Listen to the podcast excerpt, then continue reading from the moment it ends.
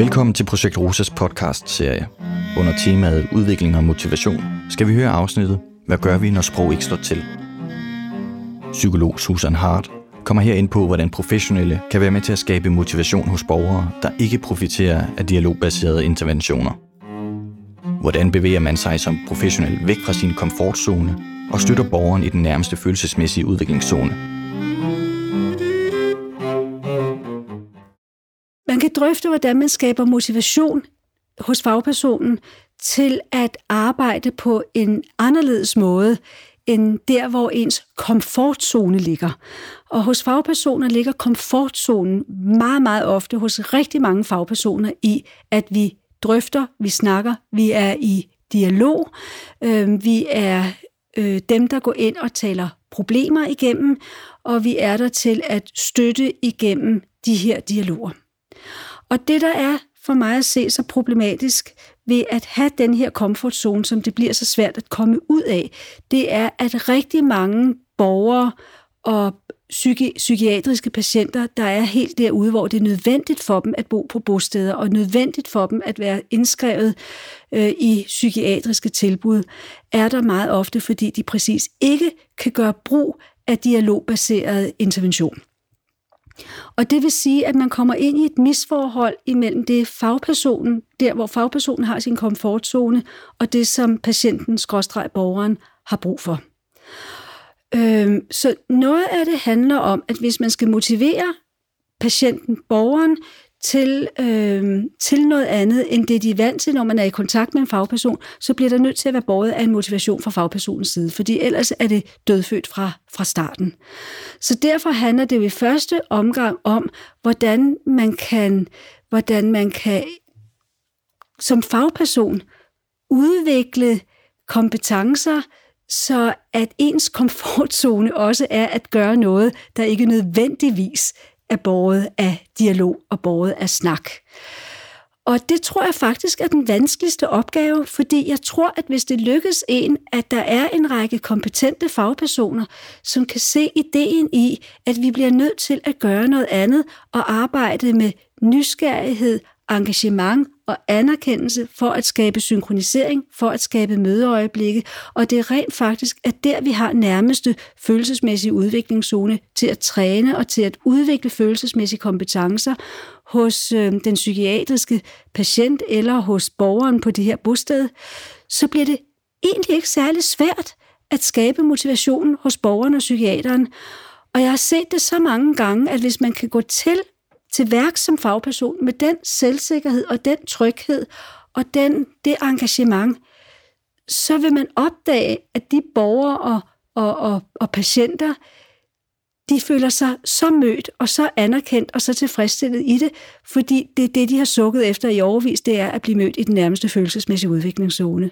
Så motivationen bliver nødt til at komme fra fagpersonen, og troen på, at det vil den her patient, den her borger gerne. Det er det, det skal bæres af. Leg er en vigtig kilde til udvikling, når det handler om kognition og motorisk udvikling. Men det gælder også vores følelsesmæssige udvikling.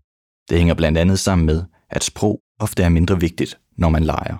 Hvis jeg skal sige noget om, om legs betydning for udvikling, så tror jeg, det er vigtigt, at, øh, at vi, vi på en måde får hold på, øh, hvem, hvem leger, hvad er leg? Og øh, jeg har lænet mig meget op af en forsker, som, som desværre døde her for et par år siden, men som jeg fik til at skrive et kapitel i min bog, Inklusion, Leg og Empati. Øh, han hedder Jark Pangsep, og noget af det, han kommer frem til, det er, at alle pattedyr leger. Øh, mus lige på grænsen, rotter helt klart. Og øh, det han siger, det er, at selvfølgelig alt afhængig af kognitive kompetencer, så kan leg være mere eller mindre avanceret. Så når rotter leger, så er det sådan at tumle rundt sådan for, for, for sjov. Og det han også siger, det er, at unger leger klart mere end unge. Unge leger klart mere end voksne, men jo mere velbegavet et pattedyr er, jo mere leger også voksne. Så det han jo er inde på, det er, at, øh, at vi, som Johan Huizinga jo sagde i netop 50'erne, vi burde ikke hedde homo sapiens, vi burde hedde homo ludens, det lejende menneske, fordi at øh, leg fylder så meget i menneskers liv. Og det gør det ikke kun i børns liv, det gør det også i voksnes liv. Det er bare selve indholdet i lejen har skiftet lidt karakter, når vi, vi bliver voksne. Og det, som, som Jacques Pangsep er inde på, det er, at når det igennem evolutionshistorien har betydet så meget, så må det jo have en eller anden type funktion. Og øh, noget af det, vi kan se, jo funktionen er hos os mennesker, det er, at leg kan bruges som noget meget vigtigt i forhold til kognitiv læring. Leg og læring i skolen er et meget, meget vel, velkendt begreb. Der er også meget leg, der bruges til at lære motoriske kompetencer. Men det, jeg tænker, vi skal have fat på, når vi arbejder med meget sårbare mennesker, psykisk sårbare mennesker, det er, at leg altså også kan bruges som et fantastisk medium til at arbejde og udvikle øh, følelsesmæssig regulering. Vi kan bruge det til at træne øh, forståelsen af, at der er forskel på fantasi og virkelighed. Og Peter Fornegi, som jo er mentaliseringsmanden, har rigtig meget fat i, hvor vigtigt det her det er for overhovedet at udvikle mentaliseringsevne. Fordi hvis man ikke har en fornemmelse af, at der er en som omverden og der er en virkelig verden, så kan man ikke mentalisere. Så det er hele det her med, at vi skaber symboler inde i os selv, som udvikles igennem den kreative proces, der er, der er i leg. Og på den måde, fordi mennesker er et så intelligent flokpattedyr, som vi er, så er leg et meget, meget vigtigt medium for at lære både kognitiv træning, motorisk træning, men ikke mindst emotionel træning. Jeg tænker jo altid, at leg det er noget, der hører børn til. Men prøv at tænke for fjernsynet. Vild med dans, bagedysten, ejendomsmaler, der gætter, idol og, og x-faktor og øh, så videre, så videre, så videre. Olympiske lege, alt sport, det er jo en form for voksenleg. Så mennesker leger rigtig, rigtig meget. Og det er et sted, hvor sprog ikke er så utrolig vigtigt. Men hvordan gør man så i praksis? Hvordan bruger man leg i samspil med borgere for at skabe mødeøjeblikke og følelsesmæssig udvikling? Her har Susan Hart ikke nogen facitliste, men det handler blandt andet om at bruge sin kreativitet, være utraditionel og om at overraske. Noget af det, jeg jo er vant til, det er, at når jeg holder mange af mine oplæg, så sidder der jo mange fagpersoner, som har det, jeg kalder fingrene nede i dejen. Og noget af det, jeg jo ofte hører, det er jo netop, jamen, what så? Hvad gør vi? Jeg forstår godt principperne i det her, men når jeg står i de her konkrete situationer, så det er ikke altid, jeg lige har, har fantasi til at finde ud af, hvad kan jeg gøre?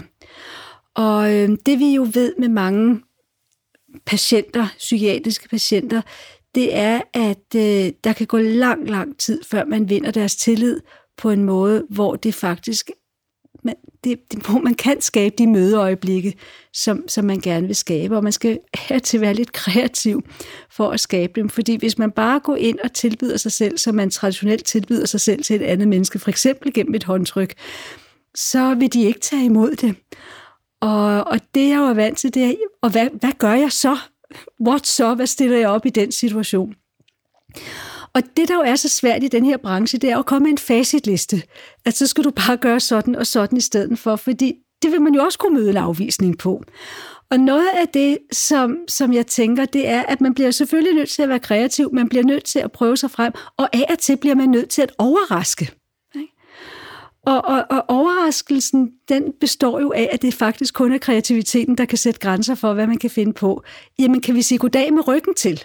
Kan jeg have en, en lille bold, hvor jeg siger hej og smider en lille bold hen til dig?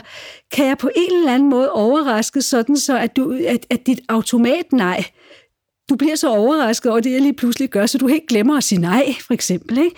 Men, men, men så man, man på en eller anden måde bryder igennem på en anden måde ved at være lidt utraditionel for øh, at, at, at, at, at bryde den der, øh, den der is, der er, at, at jeg er vant til at skal være mistroisk, eller jeg er vant til at sige nej, og, og du, du, du skal ikke få lov til at komme tæt på mig, og jeg siger i hvert fald nej, inden jeg overhovedet har fundet ud af, om jeg kan lide det eller, eller ej, sådan så man lige gør det, der skal til, så man kan grine sammen over det.